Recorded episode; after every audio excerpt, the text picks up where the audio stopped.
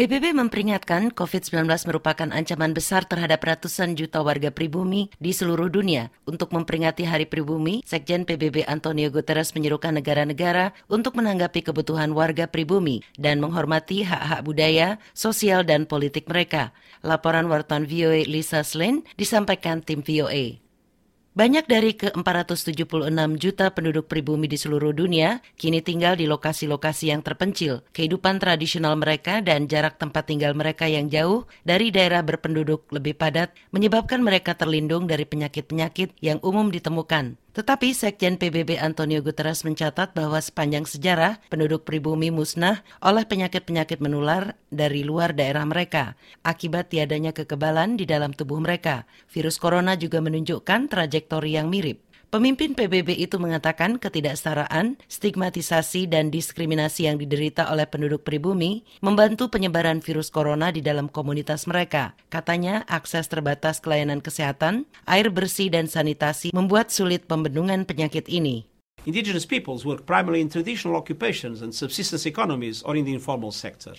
They have all been adversely affected by the pandemic. Indigenous women were often the main providers of food and nutrition for their families Penduduk pribumi melakukan pekerjaan yang tradisional, ekonomi yang minimal, atau di sektor informal. Mereka sangat terpengaruh oleh pandemi. Perempuan pribumi yang sering menjadi penyedia makanan dan gizi untuk keluarga terpukul sangat keras dengan penutupan pasar kerajinan tangan, hasil bumi, dan barang lain.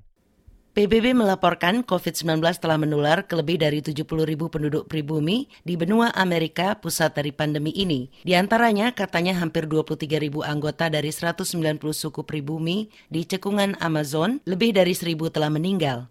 Amazon dan hutan tropis lainnya adalah tempat tinggal penduduk pribumi dan menderita kerusakan lingkungan serta kemiskinan. Kata Guterres, penduduk pribumi adalah orang-orang yang paling membutuhkan pelestarian lingkungan dan langkah koreksi perubahan iklim guna melindungi cadangan alam mereka yang sangat berharga.